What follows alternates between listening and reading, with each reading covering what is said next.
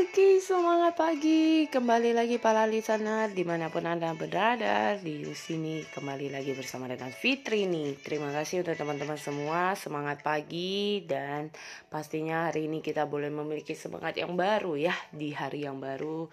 Dan ingat selalu untuk melibatkan Sang Pencipta di dalam setiap apa pun yang kita lakukan.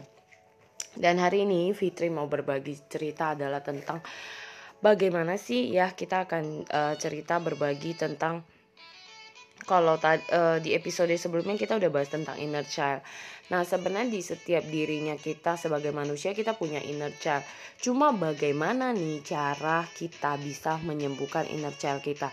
Jadi ada inner child orang yang mungkin mengalami masa-masa luka yang terbawa dari masa-masa kecil dia sehingga sampai di detik ini dia menjadi dewasa ada masa-masa itu juga inner child dia timbul uh, keluar yang membuat dia jadi gak bisa uh, enjoy their life atau menikmati hal-hal yang ada di sekitarnya karena keadaan inner child yang muncul itu.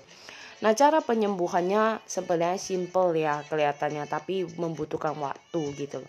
Yang pertama pastinya bisa melakukan meditasi untuk menenangkan diri, untuk bisa menyembuhkan inner child ini. Dan yang kedua adalah berbicara dengan inner child kita, mengajak untuk keluar berkenalan dengan dunia kehidupan kita saat ini, dunia dewasa kita. Bahwa saya baik-baik di dalam keadaan uh, kedewasaan hidup dewasa saya saat ini sehingga dia juga mas uh, inner child perasaan inner child kita juga bisa merasakan.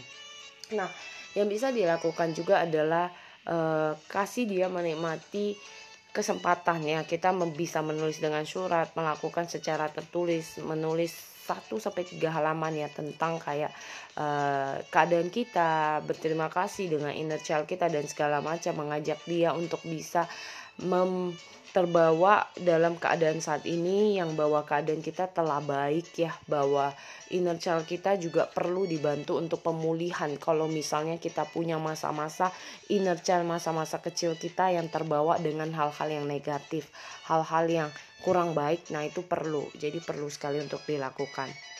Jadi mari teman-teman uh, lakukan yang terbaik walaupun kadang masa mungkin sebagian kita punya inner child yang baik-baik saja sampai hari ini mungkin tidak muncul lagi tapi ada yang mungkin masih terbawa dan punya rasa ketakutan selalu merasa diri tidak bisa tidak yakin dengan diri diri kita sendiri. Nah, hati-hati, bisa saja itu adalah inner child yang keluar, makanya penting sekali untuk kita mengenal pribadi kita. Kadang kita merasa kayak kok saya nggak bisa apa-apa, kok saya ini, kok saya itu. Nah, takutnya adalah masa-masa lalu kita yang terbawa dengan kondisi saat ini yang sehingga tidak bisa membuat kita move on, kita berjalan ke depannya. Jadi hari ini berbagi ini adalah buat satu insight ke teman-teman supaya kita juga belajar uh, supaya kita juga bisa bertumbuh dan lakukan yang terbaik dalam kehidupan kita bukan versi manusia tapi versi diri kita.